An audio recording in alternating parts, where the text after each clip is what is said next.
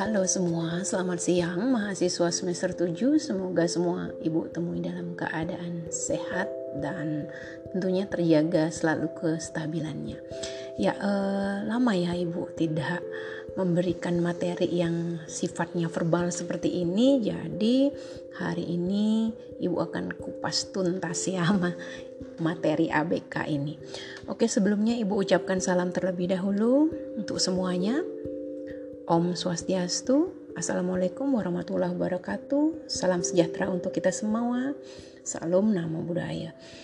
Uh, baiklah, kemarin beberapa di Google Classroom dan di grup banyak yang bingung dan tidak mengerti ya. Jadi ABK itu memang memang pondasinya tuh harus uh, paham uh, secara klasifikasi dan karakteristik gitu. Jadi kalau enggak enggak dibikin uh, yang simple gitu itu jatuhnya nanti kamu bingung ini termasuk apa ya ini termasuk apa ya gitu ya nah oke okay.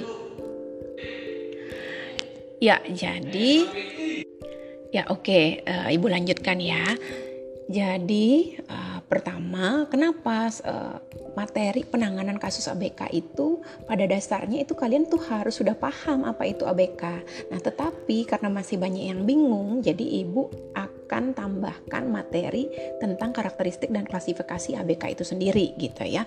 Tetapi ibu bakal bikin kayak jembatan keledai gitu, jadi kalian akan switch langsung biar lebih paham gitu mengena uh, baru nanti kita uh, bicara selanjutnya ke asesmen gitu ya.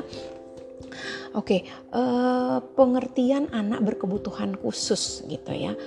Ini banyak sekali ada istilah uh, tentang berkebutuhan khusus.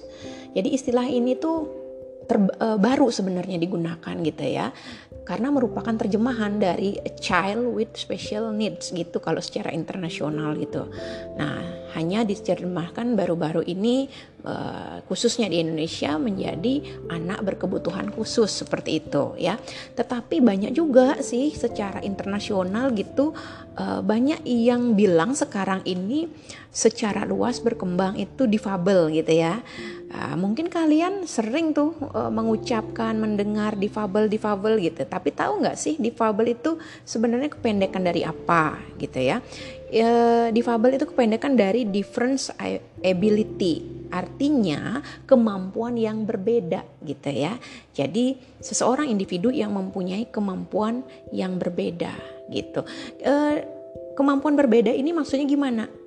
Uh, contoh nih, uh, kalau kita secara normal makan pakai tangan kanan, tetapi ada anak difabel yang dia juga bisa makan loh. Disabilitas sosialnya juga bagus dia bisa makan. Tetapi dia pakai kaki gitu loh. Berarti dia difabel difference ability jadi punya kemampuan yang berbeda dari kita gitu. Tetapi dia masih bisa melakukan fungsi dan akses uh, untuk uh, apa uh, kemampuan secara sosial seperti itu ya. Kayak makan minum gitu nah oke okay, uh, eh, itu contoh uh, kecilnya ibu biar nggak larut gitu ya. Jadi seperti itu pengertian dari anak berkebutuhan khusus. Uh, sebenarnya dari William Heward itu ya um, ada pengertian juga kalau beliau mengatakan di bukunya William Heward itu tentang uh, children with special needs itu uh, mereka mengatakan bahwa semua anak itu menunjukkan perbedaan baik dari segi fisik maupun kemampuan belajar dari sebagian besar anak gitu dalam pendidikan umum.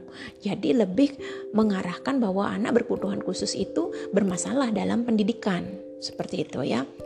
Nah, sekarang kita akan uh, mengerucut kepada konsep anak berkebutuhan khusus. Nah, dari banyaknya teori, banyaknya ahli, nanti kalian banyak deh bakal melihat dari Undang-Undang Nomor 8 uh, eh, tahun 2016 tentang disabilitas itu kayak gimana tuh pengertian ABK dari idea idea itu nanti kalian bisa lihat idea itu konsep idea ABK tuh kayak gimana pengertiannya dari uh, pendidikan khusus gitu ya jadi ada pendidikan khusus uh, memiliki pengertian juga tentang ABK seperti apa gitu ya. Jadi banyak banget jadi nanti uh, eh, ABK uh, pendidikan khusus mengklasifikasikan ABK begini. Terus nanti idea mengklasifikasikan pendid, uh, ABK begini. Terus nanti dari uh, apa UNICEF ABK begini. Terus dari apa namanya dari undang-undang seperti ini banyak banget. Tetapi ibu akan menjelaskan secara umum saja gitu ya uh, karena bikin mumet itu juga banyak sekali soalnya uh, penjelasan-penjelasan yang rumit dan nanti kalian tidak mampu memetakan secara konsep yang benar gitu ya. Jadi pada intinya konsep anak berkebutuhan khusus yang kita pelajari sekarang itu bahwa anak berkebutuhan khusus itu dapat diartikan sebagai uh, seorang anak yang memerlukan pendidikan gitu ya yang disesuaikan dengan hambatan belajar dan kebutuhan masing-masing anaknya itu secara individual. Jadi anak ABK ini memerlukan pendidikan yang nanti pendidikannya itu disesuaikan dengan hambatan belajar yang dia miliki. Nah, dengan kebutuhan masing-masingnya secara individual mereka gitu ya. Dan cakupan cakupan ABK dikategorikan di sini menjadi dua kelompok besar ya. Anak ABK bersifat sementara, temporer dan ABK yang bersifat permanen gitu ya. Jadi temporer itu sementara jadi ada anak-anak ABK yang mengalami hambatan perkembangan itu disebabkan oleh faktor eksternal gitu ya. Kayak misalnya gangguan emosi karena trauma gangguan fisik eh, misalnya karena kekerasan karena bullying gitu ya karena kejahatan seksual uh, dan lain sebagainya gitu. Itu kan anak-anak ABK yang sifatnya sementara gitu ya. Sehingga juga kita memerlukan penanganan yang berbeda gitu ya. Dan ini sifatnya kan sementara. Kalau dengan dukungan yang penuh biasanya bisa kembali lagi seperti sedia kala gitu ya. Tetapi kalau ABK bersifat menetap gitu ya, uh, ini anak-anak yang mengalami hambatan belajar, hambatan perkembangan itu bersifat internal dan akibat langsung dari kondisi kecacadannya itu gitu ya. Jadi kayak kehilangan fungsi penglihatan, pendengaran gitu ya, perkembangan kecerdasan, kognisinya, gangguan gerak motorik gitu loh, gangguan uh, sensori tentunya di sini, gangguan interaksi, komunikasi, emosi, sosial, tingkah laku banyak lah itu. Itu biasanya bersifat menetap gitu ya. Nah, sering juga nih, uh, sering juga uh, eh, ABK itu uh, terjemahan dari kata lain anak penyandang cacat gitu ya.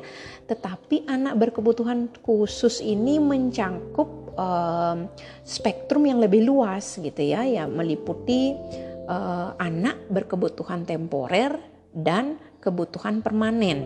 Nah, oleh karena itu, apabila menyebut anak kebut, uh, berkebutuhan khusus, selalu harus diikuti ungkapan termasuk penyandang cacat di dalamnya, gitu ya. Jadi penyandang cacat itu merupakan bagian atau anggota dari ABK itu sendiri, gitu ya. Karena kenapa? Konsekuensi logisnya tuh kayak gini uh, garapan pendidikan kebutuhan khusus itu kan menjadi akan luas berbeda dengan lingkup garapan pendidikan khusus yang hanya menyangkut anak penyandang cacat gitu. Karena pendidikan khusus itu menyangkut penyandang cacat aja loh ya. Kalau ABK itu spektrumnya lebih luas dia. Oke, sampai di sini dulu penjelasan yang namanya definisi konsep dasar secara umum tentang ABK. Sekarang Ibu akan kirimkan uh, satu buah uh, gambar uh, biar memudahkan kalian tuh untuk uh, klasifikasi ABK secara cepat tuh kayak gimana gitu ya. Oke, mudah-mudahan gak kecepatan ibu ngomong dan kalian bisa dengarkan berulang-ulang sampai mengerti gitu ya. Sambil juga melihat uh, nanti gambar yang akan ibu share. Oke, selamat siang. Salam.